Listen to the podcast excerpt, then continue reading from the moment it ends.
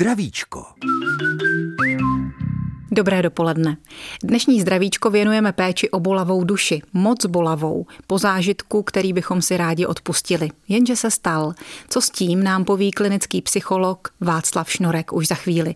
Eva Kadlčáková vás vítá při poslechu zdravíčka. Máme snad už za sebou dlouhé covidové období, období izolace, úmrtí v rodinách, těžkých životních situací. Sotva jsme se z něj stačili oklepat, je tu válka v Evropě, další traumata, další bolest. A pro nás, kteří zatím žijeme v relativním bezpečí, starost vyplývající z prudkého nárůstu ekonomické a energetické krize. Nevíme, co bude, jak to zvládneme. Někteří se s tím zatím netrápíme, někteří už propadáme panice. Stavy, které stojí za to rozebrat s odborníkem v dnešním zdravíčku. V němž vítám magistra Václava Šnorka, vedoucího klinického psychologa psychiatrického oddělení nemocnice v Českých Budějovicích. Dobrý den. Dobrý den. Tak tedy, Použila jsem pojmy jako trauma, těžká životní situace, bolest, panika. S těmi asi pracujete. Určitě to jsou pojmy, se kterými se setkáváme v každodenní praxi a myslím, že je dobře k některým z nich říci více, protože právě často vlastně se ty pojmy používají nescela přesně. Mm-hmm. Lidé si stěžují na, na stres, někdy se mluví o traumatických zkušenostech a podobně, ale je třeba říci, že jsou různé životní skutečnosti, různé okolnosti a tomu také odpovídají velmi často rozličné reakce. Určitě stres jako takový doprovází naše životy, patří svým způsobem k životu a velmi ale záleží, co je příčinou toho stresu, ale také jaká je jeho intenzita. Nemůžeme se jaksi obejít bez toho, abychom překonávali určité překážky a velmi záleží na tom, jak vlastně o věcech uvažujeme. Mě právě u toho, co říkáte, napadá, že asi taky každý zvládá stres jinak a jiná míra zátěže pro něj znamená rovnítko tomu stresu. Pro někoho je to málo a někdo zvládne daleko víc, než prohlásí jsem ve stresu. Ano, tam právě hodně záleží na povaze toho stresu.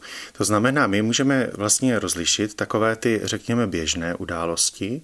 To jsou takové ty každodenní starosti, které každý překonává, musí překonávat. A tam opravdu hodně záleží na tom, jak je vlastně konkrétní člověk disponován.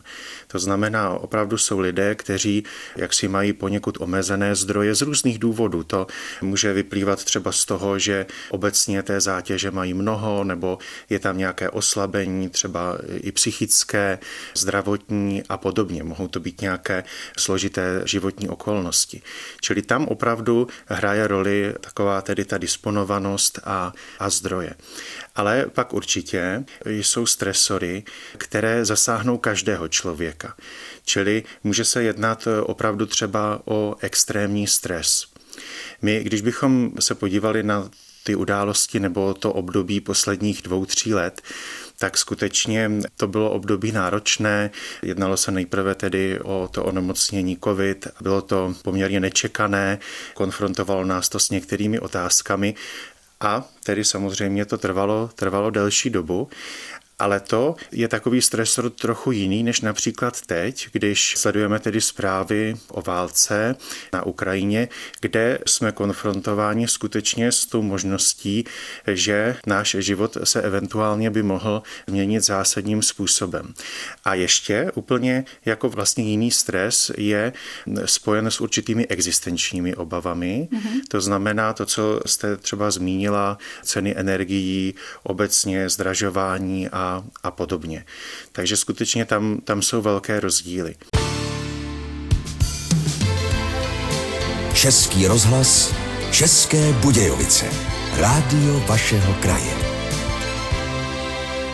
S Václavem Šnorkem mluvíme v dnešním zdravíčku o traumatu, stresu. S čím z těch pojmů zmiňovaných se teď setkáváte nejčastěji soudím, že je to stres. Lidé si přicházejí řešit svoje stresové stavy? Určitě někteří, někteří ano, ale je také potřeba říci, že vlastně jenom opravdu u malé části lidí se jedná o dopady, které bychom vlastně mohli označit za nějakou nemoc nebo poruchu. To znamená, ve většině případů se jedná, my tedy říkáme adaptační potíže, čili otázka vlastně problematického přizpůsobení se vzhledem tedy ke stresu, ale často je to, je to v podstatě přirozené. To znamená, to prožívání odpovídá těm okolnostem. Čili když ten člověk tu situaci vyřeší, dejme tomu, tak stres pomine? Nebo jak vypadá ten stres, který potom už dojde až do nějaké klinické podoby? Stres eh, představuje reakci organismu na zátěž a záleží na tom, jak člověk vlastně uvažuje o té zátěži, o tom, čeho se ten stres týká. Čili my můžeme vlastně říci, že nás neznepokojují přímo ty události sami o sobě, ale to, jak o nich uvažujeme, to, jak o nich přemýšlíme. To znamená, může být určitá událost, která je nepříjemná, ale pro jednoho člověka vlastně nepředstavuje velký problém. Například to může být, když člověk se dozví, že třeba končí na určitém pracovním místě, protože třeba ta organizace jsou tam nějaké změny, propouští se. Pro někoho to skutečně je velmi nepříjemná situace, velmi se tím trápí, vůbec neví, jak dál. Pro jiného je to výzva, je to, je to něco, co může chápat jako šanci zahájit nějakou další životní etapu. Vlastně stejná událost, ale rozdílné reakce v závislosti na tom, jak člověk o těch, o těch událostech uvažuje. Ale pak ještě také skutečně záleží, čeho se to vlastně týká. To znamená, pokud třeba bychom zmínili ty existenční obavy, to je hodně důležité.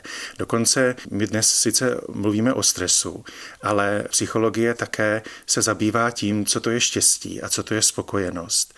A existují země, kde lidé jsou obzvláště spokojeni, dokonce existuje takový žebříček eh, zemí. A když bychom se podívali do zemí, kde ti lidé jsou nejspokojenější, tak jedna z věcí, kterou oni si pochvalují a která je vlastně zdrojem té spokojenosti, je určitá jistota sociální jistota. Jistota, že pokud člověk vlastně se ocitne v určitých problémech existenčních, tak vlastně nezůstane na pospas. Čili i třeba tyto otázky jsou důležité a to, jak třeba člověk konkrétní vnímá ta rizika, že se ocitne v situaci, se kterou si nebude schopen poradit, anebo naopak tedy vnímá, že je určitá nějaká pojistka, jištění, že, že tedy mu, mu někdo pomůže, tak eh, opravdu to, to ovlivňuje to prožívání stresu. Ale pak jsou vlastně jiné takové situace, kdy například, když bychom zmínili ten COVID, tam v první chvíli byla velká nejistota vlastně z určitého nescela eh, jasného nebezpečí, které je vlastně mimo naše možnosti ho nějak ovlivnit. To bylo zejména na tom počátku. Lidé opravdu měli velký strach. Dá se říci, že příroda poměrně rázně zasáhla do našich životů a tam tedy ta nejistota byla velká. Potom potom se to prožívání lidí ve vztahu k této nemoci měnilo. Spíše tam potom lidé už tedy jaksi nepřítele v uvozovkách poznali a spíše potom strádali těmi dopady konkrétními třeba v některých rodinách, kde lidé třeba zemřeli a podobně a více potom řešili to, že náš život tedy je omezený, že nemáme vše pod kontrolou, že může vlastně ze dne na den eh, se poměrně výrazně změnit. Celá ta situace. Hmm. A k tomu se vrátíme vrátíme za chvíli. S naším dnešním hostem, hostem zdravíčka, magistrem Václavem Šnorkem, klinickým psychologem. Posloucháte Zdravíčko Českého rozhlasu České Budějovice. Dnes nás navštívil Václav Šnorek, který působí jako vedoucí klinický psycholog na psychiatrickém oddělení nemocnice v Českých Budějovicích a mluvíme o stresu a o traumatech, o složitosti doby. Před chvílí tady padla zmínka o tom, že v covidové době se stávaly nejrůznější tragédie v rodinách, umírali naši blízcí. Dá se taková situace už nazvat traumatem? Tak a to je potřeba říci, že ta traumatická zkušenost, nebo to, co bychom mohli nazvat trauma, vlastně ve většině případů skutečně není, není traumatem. To znamená, to laické pojetí, takové to běžné, když o tom hovoříme, mm-hmm. tak vlastně neodpovídá tomu, co by z odborného hlediska jsme za určité tedy traumatické prožívání považovali. Aby bylo trauma traumatem, tak v podstatě musí se jednat skutečně o extrémní stres. To znamená, musí se jednat tedy o situaci, kdy člověk prožívá velmi intenzivní obavu o svůj život anebo o své zdraví. Já jsem se dočetla, promiňte, že člověka nejvíce zasáhne událost, kterou záměrně způsobí jiný člověk. Znamená to, že psychické trauma vzniká spíš na základě třeba nějakého útoku na naši osobu? Často, ano, často to tak je. Ono to souvisí s tím, že my vlastně chceme v podstatě vidět druhé lidi pozitivně. Samozřejmě někteří nazbírají takové životní zkušenosti, že, že už to eh, nejde. Že, že to už nejde, ale svým založením jsme přeci jen nastaveni k tomu vidět, vidět druhé pozitivně a také vlastně chceme věřit tomu, že v podstatě svět je bezpečný. Takže ono nemusí traumatická zkušenost být spojena jenom například s násilím ze strany druhého člověka. Může se jednat třeba o působení přírodních živlů a podobně. Ale aby to tedy vedlo k tomu, co potom se třeba označuje v psychiatrii nebo v klinické psychologii jako posttraumatická stresová porucha, musí to být skutečně mimořádný stres. Pokud je to násilí ze strany druhého člověka, tak ty dopady jsou velké v tom, že vlastně tam člověk i přichází o takovou určitou iluzi, že v podstatě ze strany druhých lidí moc žádné nebezpečí nehrozí. Jak se to posttrauma projevuje?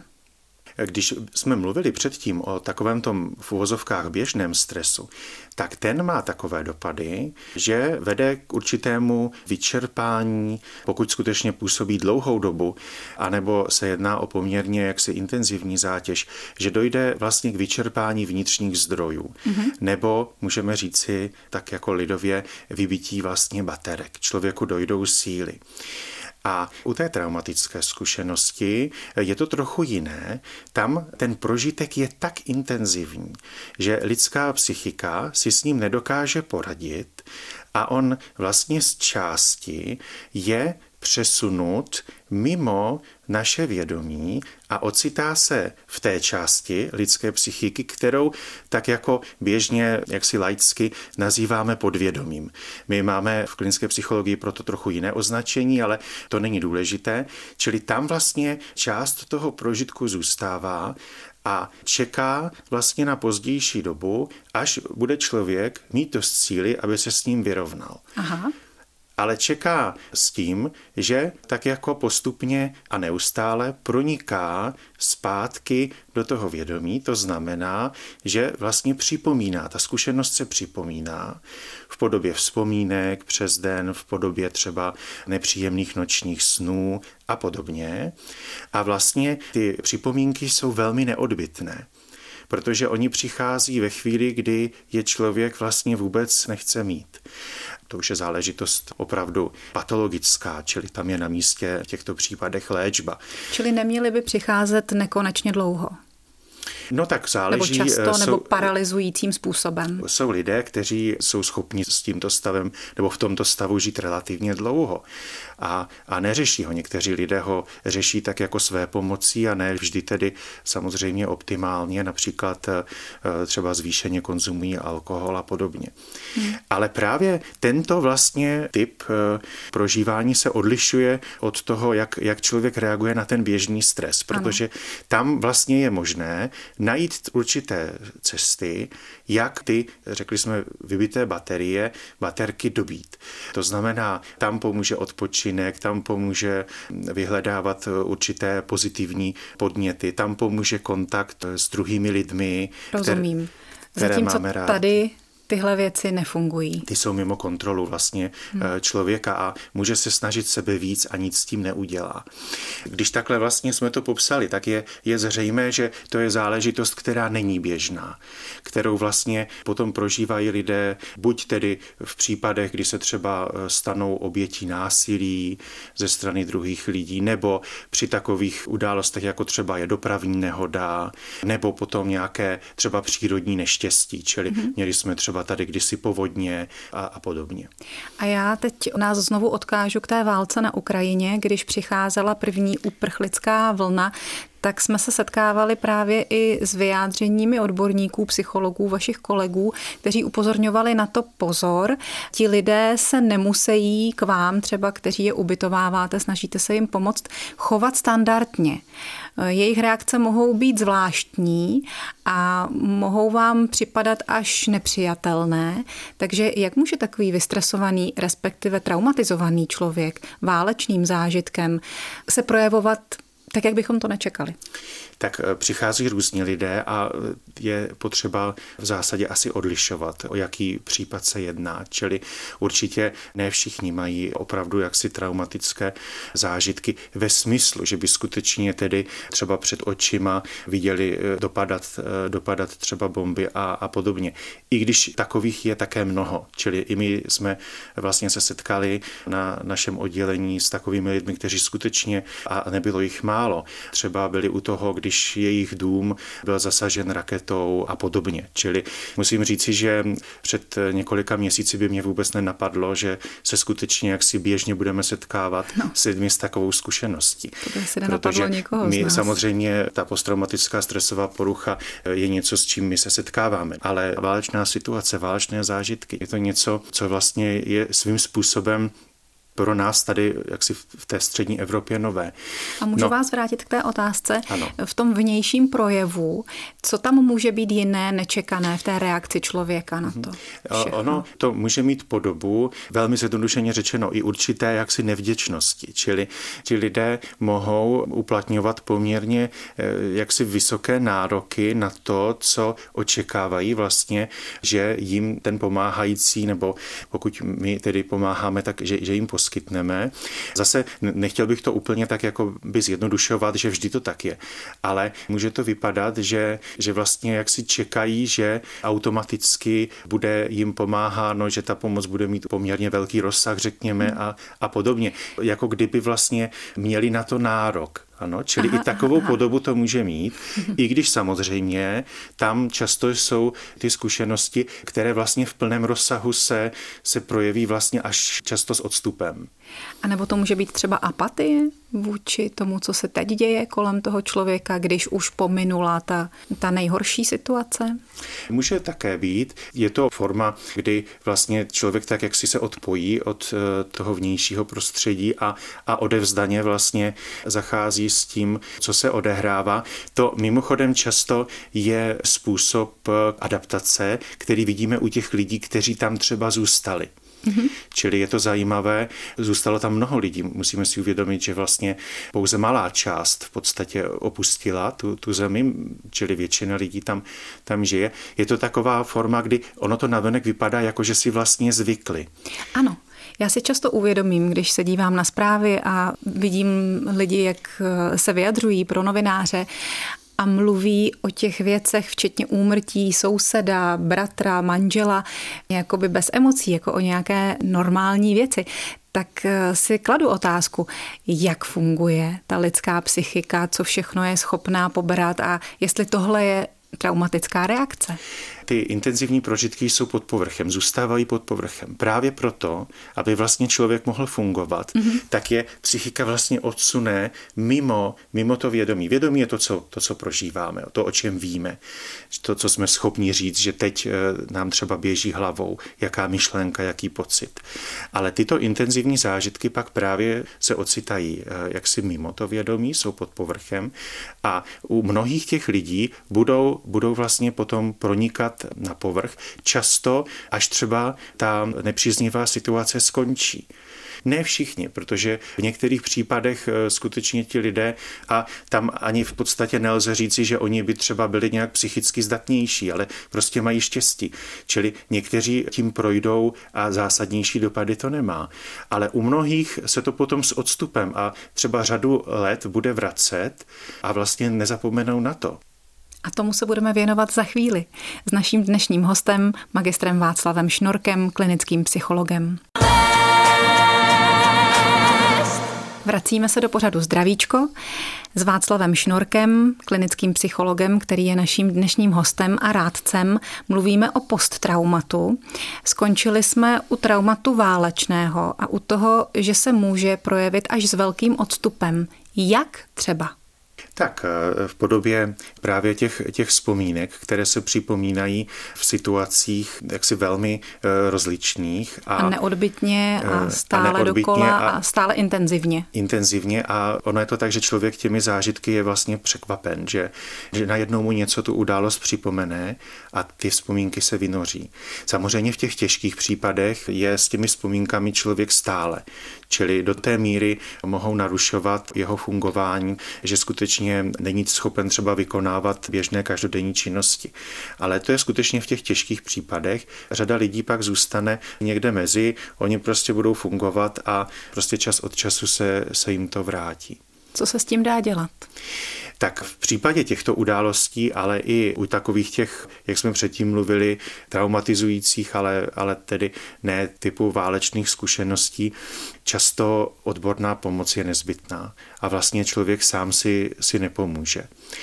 A tam je tedy potom třeba, aby jaksi ve spolupráci s terapeutem ty jednotlivé zážitky byly jaksi probírány a vy je musíte znovu otevřít, ano. je potřeba to ano. vyčistit. Ano, ano, jak se říká. ano, určitě ano. Ale tam je opravdu třeba odlišit, kdy skutečně je to nutné, kdy, kdy ne, protože v některých případech ti lidé jsou schopni s tím jaksi přijatelně žít. Pokud ne a ten jejich život to narušuje, tak tam opravdu se není možné jinak přesto dostat, než k těm traumatizujícím zkušenostem se vrátit a vlastně v bezpečném prostředí, bez toho ohrožení utrpení, tak znovu vlastně ty události prožít tu ránu vyčistit, aby se mohla zahojit. Ano, ano. To uděláte vy, odborníci, a víte si s tím rady. Asi se dá jenom souhlasit s tím, že by to tak mělo být, jít skrze odborníka, ale někdy třeba ta možnost není, anebo než se člověk dostane do odborné péče, tak mezi tím přichází do kontaktu s řadou dalších lidí. Jak třeba my z jejich okolí máme reagovat, jak se jim máme snažit pomoct, máme s nimi mluvit o tom, co se jim stalo, nebo to spíš nechávat spát. Někdy to může být až takové tabu třeba v rodinách a podobně. No, v zásadě asi není moc dobré, když něco je tabu. Hmm. A často vlastně, což nakonec se týká i jiných duševních poruch, tak je ten problém, že vlastně ti blízcí se snaží eh, přistupovat takovým jako specifickým způsobem, jako citlivě a podobně. A výsledek je ten, že je to, ten kontakt je vlastně neautentický, je takový jakoby podivný. Hmm. Jo, chodí se okolo, teď se jako, aby, abychom se třeba nedotkli a tak dále. To není moc dobré.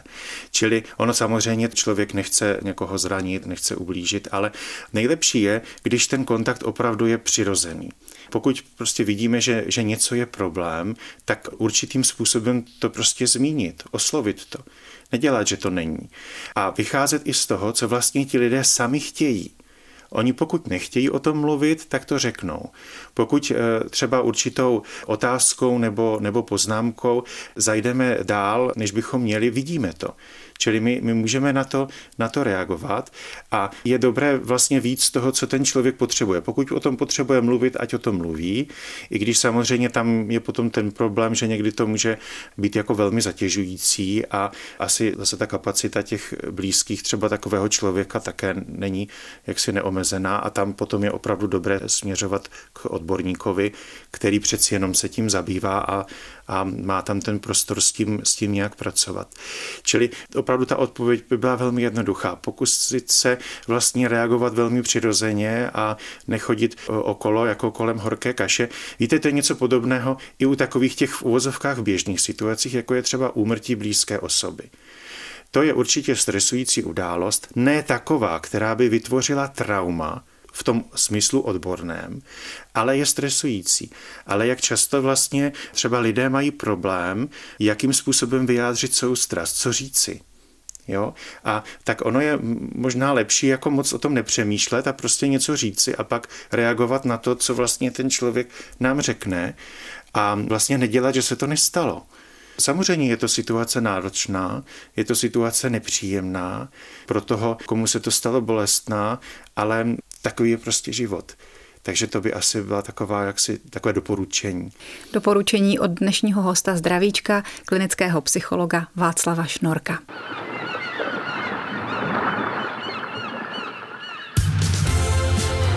Český rozhlas, České Budějovice, rádio vašeho kraje.